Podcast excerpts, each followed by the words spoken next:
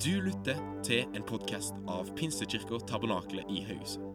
Vi tror at kirka kan være et sted der mennesker kan trives i alle livets faser. En kirke for hele livet. Ønsker du å bli bedre kjent med oss, gå inn på våre sosiale medier eller på pkth.no. Her kommer ukas tale.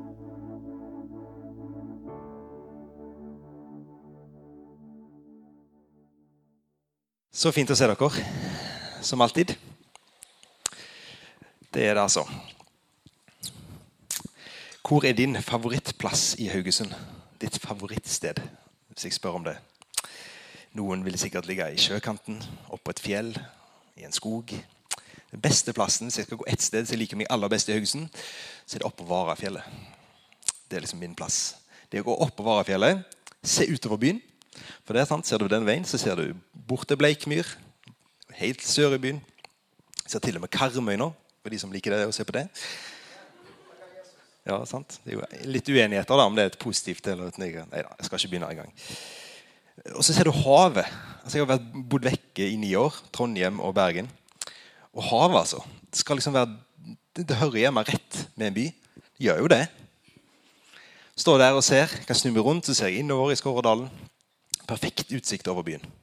Det anbefaler dere. Gå opp der. Det beste utsiktspunktet. Kommer på byen. Det er det beste. Og når jeg kommer tilbake, da, har bodd vekke i noen år, så blir det jo litt sånn ekstra ikke, nostalgisk. og Tenker litt tilbake da, på den tida som var her før. Ser jeg nedover sør i byen, da, så der vokste jo jeg opp. og Der sprang meg og Remi og sprengte post, eh, postkasser og blomsterpomten til mamma. liksom, og Jeg ler litt av det. og Det var veldig stas med fyrverkeri en periode. Høyblokka rett ned forbi. Der bodde jeg jo en periode. Der hadde jeg noen år i livet mitt. Ser mot byen og ser et hus som står der. Og så, ah, stemmer det, det huset der var jo jeg en gang. Der var jeg med disse folkene. Lurer på hvordan det går med de. Og så begynner jeg å mimre. Ler du litt for deg sjøl og husker på alle liksom, positive tingene. Idealiserer jo kanskje noen minner. Går han der og flirer litt for seg sjøl. Og så blir han litt mer alvorlig. For plutselig er jo de vonde tingene. Jeg er jo som alle andre. Vi har jo ikke alt som er like gøy. Så, så står jeg der da og tenker liksom på livet som var her før. Nå kommer jeg her tilbake. Nå er det en ny Hvordan blir det nå, liksom? Hvordan blir min, mitt liv videre her og min historie videre i denne byen? Som jeg virkelig er glad i. Jeg må si det, altså. Og det liksom, det føles bare rett at det er liksom skodda og sur vind fra havet og regn. og Det skal liksom være sånn. Jeg hadde selvfølgelig takka ja til liksom, sol, og hvem hadde ikke det? Men det er liksom greit òg. Er det bare meg, eller? Nei, det skal liksom være sånn, på en måte. Sikkert sånn, ja, Må sikkert være oppvokst her da, for å tenke sånn, men jeg liker nå det. da. La det blåse litt. og Trenger ikke for mye sommer. Det blir for slitsomt. Det er bra med en høst nå. Måtte det regne godt, da. Neida. Neida, men hvordan blir livet mitt videre her? da? Hva, er liksom min meste etappe i livet? Og så opplever jeg for Vi kommer jo til Haugesund nå fordi vi opplever at Gud leder oss hertil. Meg og Malene kona mi kjente jo liksom det at det å flytte hertil og bli en del av menigheten her og, og for min tjeneste her, da, at Gud peker oss i den retningen. Og når jeg står der, da, så kjenner jeg liksom at Du skal gi til denne byen. Det blir din oppgave. Ditt kall. Jeg leder deg her til, og du skal, du skal bare gi til det, disse folkene her. Til alle disse folkene som lever her, og ja, alle liv som leves. Du skal være med og gi inn her. Det blir liksom veldig tydelig for meg. Og Jeg tror Gud gjør meg en Kall det en pedagog, da, om du vil. En sånn visdomsord. En sånn Guds tiltale. Av og til så bare gir han noen sånn ord til oss for å gi livet en retning og holde fokus. Jeg opplever jeg får det der. At du skal være med og gi til denne byen her. Det blir din oppgave, om du vil. Det er det jeg kaller deg til. Er det, er det, det er det du skal få lov til å være med og gjøre her. Og det, det kjenner jeg liksom, det treffer, da. Og Jeg ønsker å snakke litt om det. Grave litt i den eh, refleksjonen jeg har knytta til det i dag. For jeg tror jo virkelig at det ikke er noe som bare gjelder meg, men det er noe Gud leder oss til og kaller oss til. Og faktisk være med å gi. Du kan jo si at vi først og fremst er jo kalt til. altså Vi eksisterer for å, for, for, for å finne Gud, for å gi til Han, men òg til andre mennesker. Gud velsigne det å gi, se andre mennesker og gi inn i det. Det er en rikdom Det å samle til seg sjøl, hegne om seg sjøl, beskytte seg sjøl. Altså det er heller å faktisk velge å gi. Det er en helt annen velsignelse og rikdom i det. Og det er en rikdom vi kan få leve i, som jeg helt åpenbart tror at kanskje ikke alltid faller veldig naturlig for oss, men jeg tror Gud vil hjelpe oss til å lede oss inn i. Og da skal jeg få lov å ta med dere med til første Samuels bok. Mark har jo, og mange her har jo lest masse i Bibelen og kjenner historiene veldig godt. Men la meg nå ta, og Mark har jo talt en del om dette her tidligere. ja, før i tida, Ikke om det var før sommeren eller før der igjen. Men, men la meg nå få ta litt eh, innhold opp igjen, da, som, er, som alle som er her, får en sånn felles kontekst. Fordi israelsfolket de ber jo til Gud. Vi vil ha en konge. Vi vil ha en konge til å lede oss. Noe motvillig, da, må en jo si så velger jo Gud ut Saul til å være en konge. Og eh, Saul han, Det går jo ikke veldig bra, da, for å si det mildt. Det står jo I 1. Samuels bok 15, 8, så står det at jeg angrer på at jeg har satt Paul til å herske som konge. For han har vendt seg bort fra å følge meg, og han har ikke latt mine ord stå fast. Og Hvis du skal lese Sauls biografi, om du vil, hans livshistorie, så er det jo en dyster lesning. da. Han begynner jo som en ung, idealistisk mann som, som, vil stå for Guds sak og vil tjene sitt folk og tjene sin Gud. Men så er det jo en mann som ja, mister det mildt sagt. da. Han blir jo totalt Det er en forferdelig trist lesning. Og han har jo et sånn hjerte som hardner til, en sjalusi som tar aldeles overhånd. Og han, og han mister det, da. David derimot, han er eh, en ung og flott mann. Han eh, blir utvalgt til å ta over etter Saul. Han skal liksom eh, bli den kongen da, som Saul skulle blitt. Heller, det blir ikke Sauls arv, det blir David heller, og hans, hans familie som skal ta over. Og I det spennet der, det at Saul har blitt av, avslått og avkasta, og David skal ta over, så svartner det jo Det mørknes aldeles for Saul. Og et liksom Altså, David han, jo, han, kaster jo spyd, pelmespyd etter, liksom, i affekt. Når raseriet og mørket tar over igjen, så kaster han spyd etter David. David må jo til slutt flykte. Han kan ikke være her. Han risikerer livet av å være her. Og eh, sånn, Mange av dere kjenner historien. Men det spennet der David er fredløs totalt. Han, altså, mot alle odds så går det jo veldig bra. Gud er jo åpenbart med han, og han lever rundt om i tar inn i andre byer. og ja, Masse jeg kan si om det. Han lever som fredløs, og det er vanskelig, og det er vondt. Eh, Saul er jo fortsatt sint på han, og han jager han. Går gang på gang ut på tokt, om du vil, for å ta han av dage, for å bli kvitt han. Og det som er et sånn eksempel da, som kanskje vi kan trekke fram for å vise hvor virkelig hvor mørkt, hvor mye Saul hadde mista det, da, hvor mørkt det hadde blitt, i kapittel 22, når han når han, eh, Saul kommer til en by med prester, Herrens prester. Og fordi han anklager dem for å ha hjulpet David å være illojale, og for å ha vært illojal mot Saul, så velger han å ta livet av dem. Herrens prester, familien deres.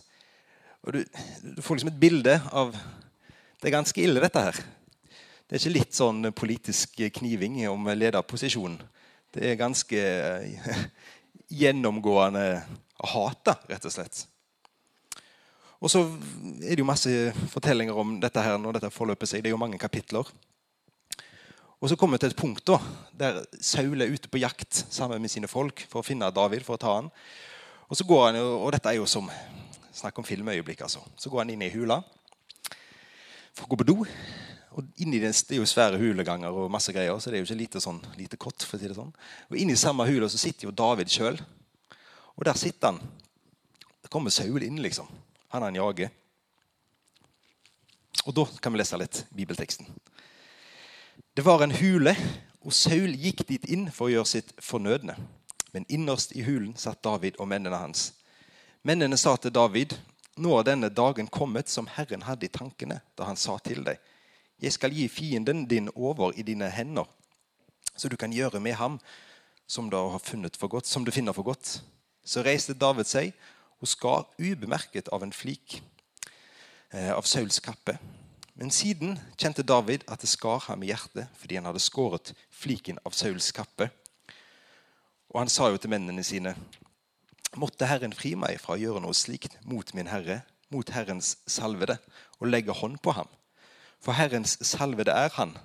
David snakket mennene sine til rette og ga dem ikke lov til å gå løs på Saul. Og Det er jo, tatt, det er jo som tatt ut fra en film. Det er jo en sånn perfekt filmplott. Og Det er helt fascinerende. Det som skjer her, er jo at David, Saul får jo livet i en gave. Altså blir, David sparer jo livet hans. All fornuft, all logikk tilsier jo at han der måtte jo tas av dage. Da får du han i hånda di her. Nå kan du liksom I Sauls verden, da, hvis du setter deg inn i hodet, hodet til Saul, så er det bare en, eh, en gave, virkelig, utenom det vanlige. Saul, David sparer livet hans. Tenk hva han hadde gjort. Så leser vi videre, da, og det som skjer videre er jo at eh, Saul går ut fra hula, og David han går opp en sånn høyde, litt på avstand. Såpass langt unna at du ikke er sånn direkte i nærheten, men såpass nærme at du kunne rope til hverandre. David han stiller seg opp en høyde nå. Og så roper han Da David hadde sagt eh, og når, ja, sånn Så roper han til, så roper han til Saul og forteller hallo, jeg kunne tatt livet av deg, men jeg valgte å, å la være. Og den reaksjonen reaksjonen til Saul den er så fascinerende. Bare hør her nå. Da David hadde sagt alt dette til Saul, sa kongen, er ikke dette din stemme, min sønn David? Så brast han i gråt og sa til David, det er du som har rett, ikke jeg, for du har gjort godt mot meg. Enda skal vi se, Du har gjort godt mot meg, enda jeg har gjort ondt mot deg. I dag har du vist meg at du vil meg vel. Du drepte meg ikke da Herren hadde gitt meg i, min, i din hånd. Hvor er den mann som treffer på sin fiende og lar ham dra sin vei i fred? Måtte Herren lønne deg for det du har gjort mot meg i dag. Nå vet jeg at du helt sikkert skal bli konge og holde kongedømmet ditt over Israel. Det er veldig fascinerende. For den Saul som totalt formørka og har mista det, liksom totalt drevet av sjalusi og paranoia og hele den fortellingen der. Plutselig så bare kommer det lys inn. Plutselig er det noe som treffer han. Som bare rister han aldeles ut av hans virkelighetsforståelse. Det er noe som, så slår hans, hele hans verdensbilde i stykker. Det er litt som at noen er i en alvorlig psykose og er liksom fanga i et eller annet, og så plutselig så bare løsner det. Så er det klarhet. Plutselig ser han virkeligheten for det det er. Og jeg, jeg sånn, Hollywood elsker jo sånne filmplott som dette. her. Den onde liksom, som jager etter de uskyldige. og Når han står der etter Terminatoren eller noen som har blitt utsatt for masse dumme ting og er full i hevn i seg, og, og, plutselig så kommer de til et punkt der da angrer de og griner de. Og det, er, det, er, jo et helt et sånn ekstraordinært øyeblikk når du leser fortellingen. Hva er det som skjer her, egentlig? Det kommer noe inn i Sauls liv som er totalt uventa. Dette er jo ikke film heller, da, bare så det er sagt. Selv om eh, de dikter opp mye fancy på film. så Dette her skjedde faktisk. Altså, når, når David gir denne, gir denne, gaven her til Saul, så er det som om himmelen kommer ned. Det er som at det er noe som skjer. Det er noe utafor verden, vår verden som bryter inn og kommer inn der i den situasjonen der. Dette er jo ikke en ren menneskelig handling. Det slår aldeles pusten ut av Saul. Og Det er akkurat dette her som er, dette som er viktig for meg i dag. da. Se hva det gjør med Saul. Til og med den mannen. Og Vi vet jo dessverre at historien til Saul er jo ikke den beste videre. Han mørker jo til igjen, og det går gale. Men i et øyeblikk der plutselig så skinner sola inn. Plutselig så blir det lys i det som er mørkt. Og denne fortellingen her, det blir jo et eksempel på den største gaven av de alle. På dette har vi lært 1. Johannes, 1. Johannes brev 3,16. Ja. På dette har vi lært kjærligheten å kjenne, at han ga sitt liv for oss. Også vi skylder å gi livene for brødrene våre. Hvis vi faktisk skjønner hva vi har blitt gitt, så tror jeg alle vi vil et, kjenne på en sånn, et, Kall det et Saul-øyeblikk. den der opplevelsen av at dette her, det lyset, den kjærligheten, den gaven vi har fått, det slår pusten ut av oss. altså. Du blir ikke den samme. Hvis det virkelig hadde gått opp for oss fullt ut.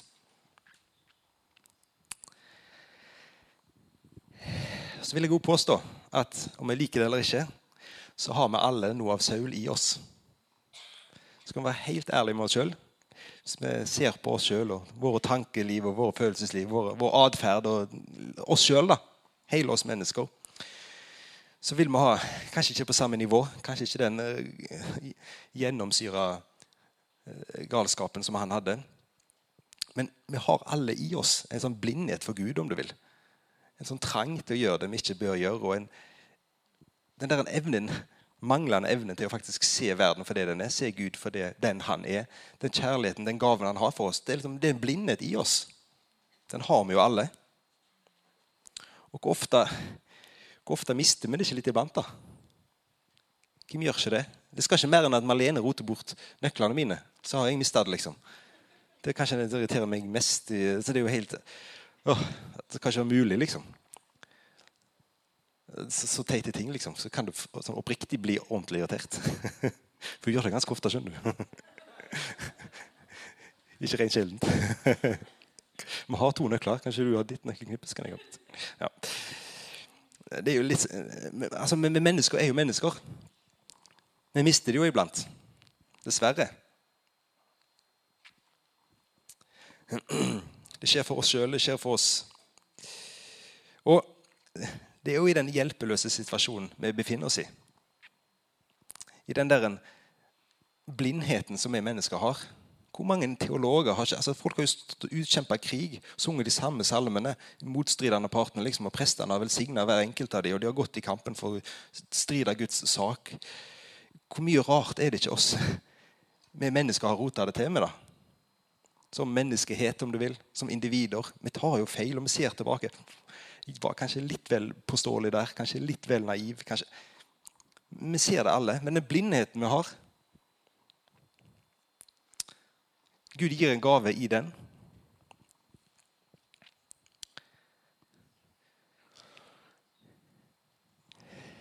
Og jeg tror det er den Hvis vi hadde forstått hva vi hadde blitt gitt fullt ut, faktisk forstått rekkevidden av det, så hadde vi alle Og vi gjør jo det til dels, da, virkelig.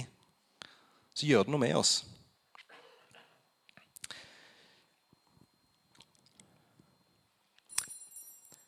Prisen var Jesu blod. Den var ikke fortjent. Det var en nådehandling. Det ble gitt en gave som vi ikke fortjente. For Sauls del er jo dette trist lesning videre, dessverre. Det går jo liksom gale med han. Det mørk, sinnet mørkner igjen. da. Et øyeblikk av klarhet, men så kommer mørket tilbake. Men for vår del så trenger det virkelig ikke være sånn. Virkelig, altså. Og Jeg er helt overbevist om et nøkkel i dette her er at måtte vi bare forstå hva vi faktisk er blitt gitt måtte vi bare skjønne at den sannheten setter seg i oss. Hva vi faktisk er blitt gitt. Og Jeg tror at så mye av et levende kristent liv, om du vil, baseres på det. At vi bare faktisk forstår det og skjønner rekkevidden av det. Jeg leste en bok om Håvard Sand, som heter 'Drømmen om Norge'. Jeg vet ikke om noen av dere har lest den.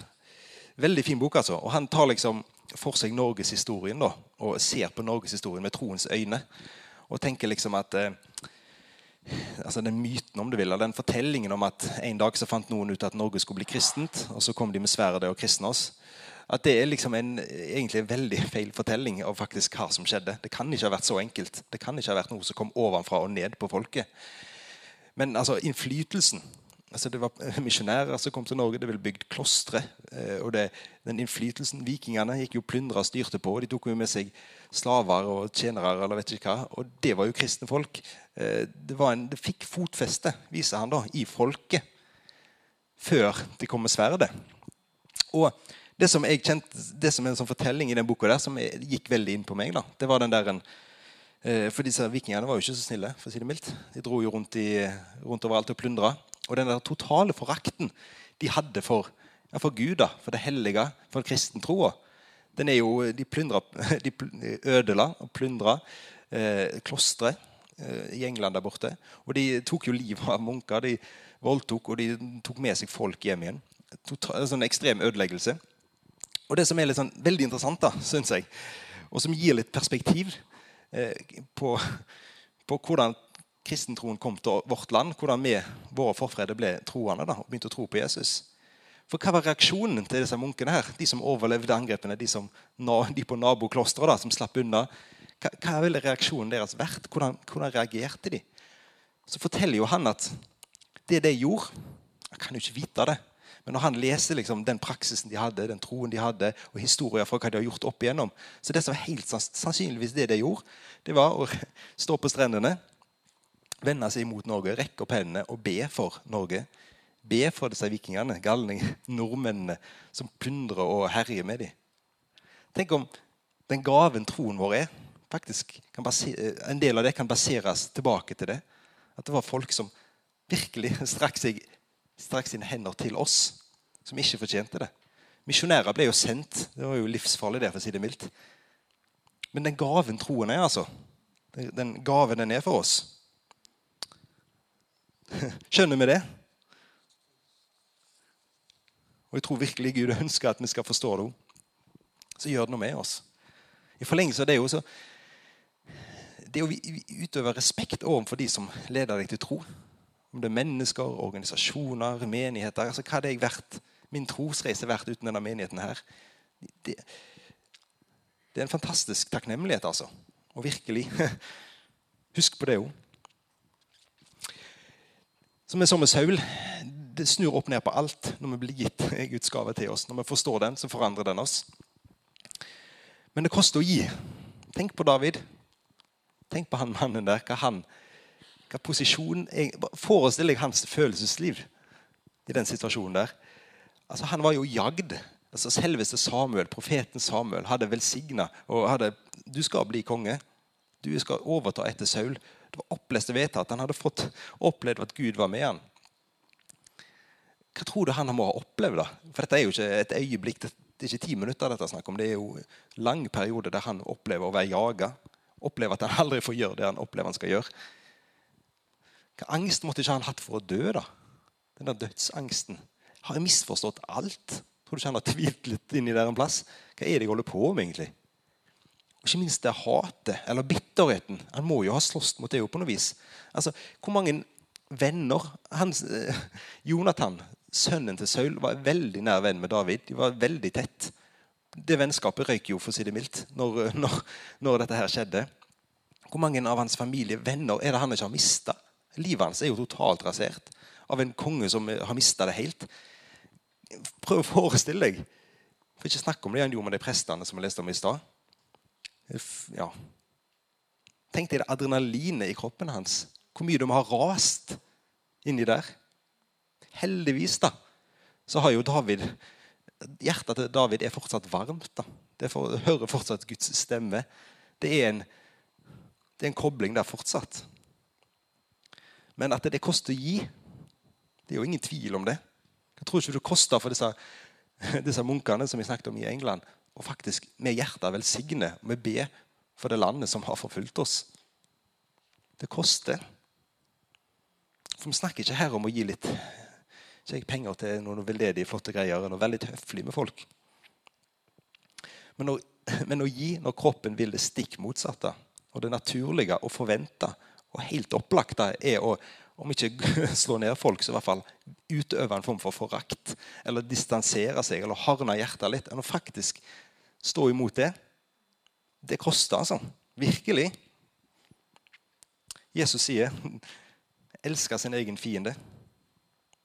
Jeg vil påstå at det, er, jeg vil påstå at det rett og slett ikke er mulig for oss mennesker. Jeg tror ikke jeg hadde fått det til. i hvert fall. Helt ærlig. Og Det trenger ikke være så sykt alvorlige ting som skjer heller. Og Det er selvfølgelig opplagt når den uretten som begås en av en veldig alvorlig karakter. Men det å med hjertet se folk i øynene som du egentlig ikke har grunn for å gjøre det, og kjenne at det er det varme der Du kjenner ikke på forakten. Det kommer virkelig ikke naturlig for oss mennesker, og det tror jeg ikke det gjorde for David heller. Det var den Guds stemmen som kom inn. Det var som, han som grep inn der og gjorde noe. Og David, tenk så sårbar han var òg, da. Han tar jo en risiko. Saul er jo gal, liksom. Gal eh, sånn diktatorstemning som uh, hva han finner på neste gang, liksom. Han vet jo ikke det.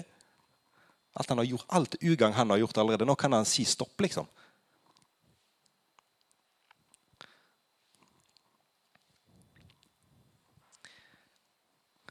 Når vi slipper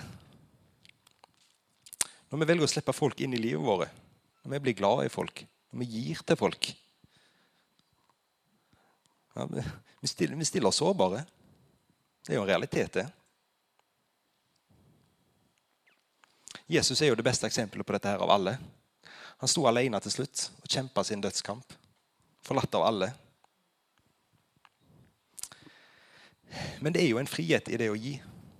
Selv om det føles feil, selv om det koster veldig mye, selv om det stiller oss veldig sårbart, så er det en frihet i det å gi.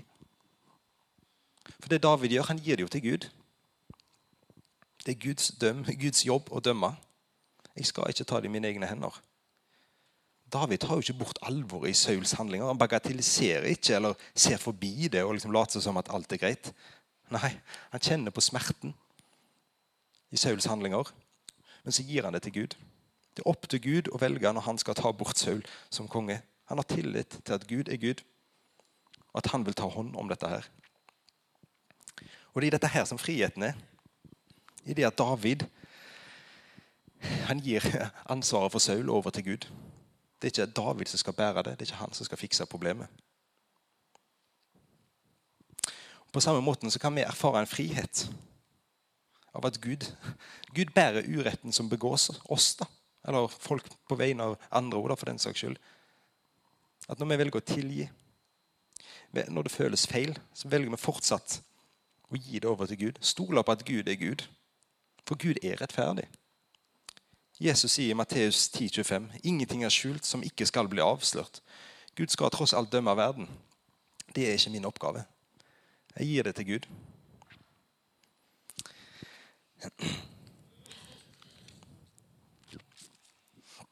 Og Jeg må bare få sagt det òg, da.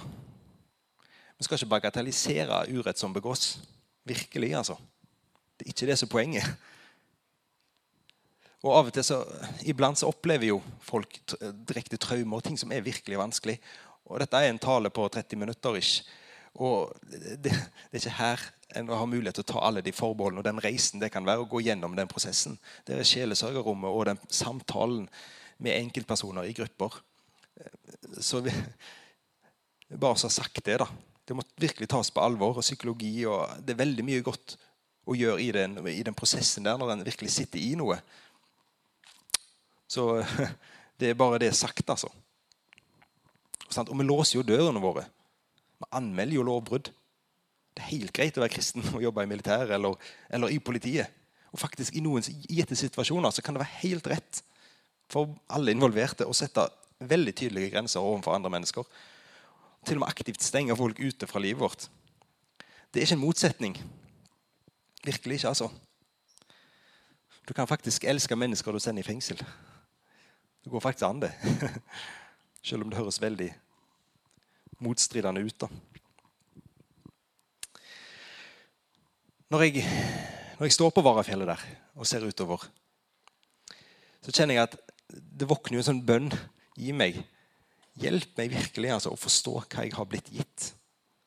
Måtte jeg bare, må bare den sannheten og den realiteten være tydelig for meg. Hjelp meg ikke miste det, da. For det er fantastisk. Jeg kjenner jo på en sånn forventning. Og tenk at jeg får lov til å være med, med, på Guds store oppdrag i vår verden. Det lyset som han bringer inn. Jeg kan få lov til å være med og gi det videre til folk rundt meg. Det er en sånn en du, du blir liksom oppmuntra. Litt sånn gira og litt sånn Ja, dette her, folkens, dette her, dette her blir bra. Jeg kjenner jo på det. Så kjenner jeg òg på en sånn nervøsitet. For at måtte nå hjertet mitt være mer som David enn som Saul? Måtte nå det beholdes varmt? At selv, for Når jeg møter ting, for alle møter jo ting, måtte det bare være varmt. Jeg, må jeg nå klare å se den personen i øynene den personen som forakter meg, liksom, troen liksom, Du merker, du ser liksom de himler med øynene og på sett og vis gjør narr av deg og baktaler litt. og Du kjenner liksom at å hjelpe meg, så frustrert du kan bli, og såra og alt og du, Men så kjenner du du får den kalde skulder, og nesten så de finner muligheter for å kjepp, lage et, sette kjepper i hjulene på deg. Måtte jeg nå klare å se den i øynene og ikke være bitter på noe vis. Og være glad i mennesket. Og gi det, og ikke miste det. Måtte jeg nå bare klare å holde den kjærligheten varm overfor mennesker til tross for det jeg opplever. Og Av og til er det sånn at det nesten det vanskeligste kan jo være kristne, andre kristne òg. Ja, men helt ærlig, altså. Det kan jeg kjenne på av og til. fordi så har gjerne folk en annen teologi da, eller, eller, praksis som er veldig ulik fra det jeg tenker. Eller noen sånne grunnleggende ting som en tenker veldig forskjellig om. Og så får du nesten sånn følelse av at du er jo mer mot oss enn for oss. Og det jo faktisk beholde hjertet varmt. altså. Det å behandle folk med respekt, se folk i øynene, være høflig, være god med folk. Du skal selvfølgelig ikke gå på å bli enig nødvendigvis. Det er liksom ikke det som er poenget. Men det å beholde den varmen. Hvor lett er det ikke at hjertet blir hardt? da? Tenk med den familien som bor nede i gata. Som, der barnet hvis det skjer, jeg vet jo ikke da, men Tenk hvis begynner å, liksom det barnet begynner å være stygg med mine barn. da, min, min sønn, eller sånn mobber og henger de ut. og De bare bagatelliserer det. De tar det ikke på alvor. og liksom, ja, ja, liksom, Vokse opp, liksom. De må nå lære seg. altså Bagatellisere det. Hjelp meg å holde hjertet varmt. For jeg er jo et menneske, jeg òg. Jeg kjenner jo på utfordringen. Jeg kjenner på gleden av å få lov til å, få lov til å tro og få lov til å ta del i dette her. Men jeg kjenner jo på utfordringen, jeg òg.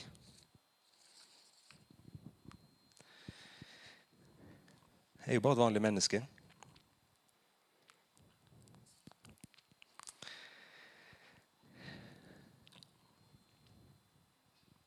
Jeg er helt overbevist om at nøkkelen i dette her er å bli, forstå hva vi er blitt gitt. Det er når vi velger å ta imot Guds gave, velger å akseptere at Jesus er vår frelser. Når, han, når vi tar imot han, når, han, når vi tar imot den gaven, så er det et sånn et øyeblikk. Et sånn Hollywood-øyeblikk, om du vil. Det, det, forandrer virkelig fundamentalt i livene våre når vi skjønner hva faktisk vi har blitt gitt. Og da blir vi i stand til å gi. Da går det faktisk an å gi videre. Er overbevist om at nøkkelen ligger der. Så, så min bønn, kjære gode Gud, må jeg forstå hva jeg er blitt gitt. Jeg har lyst til å, Hvis lovsangerne bare kan komme opp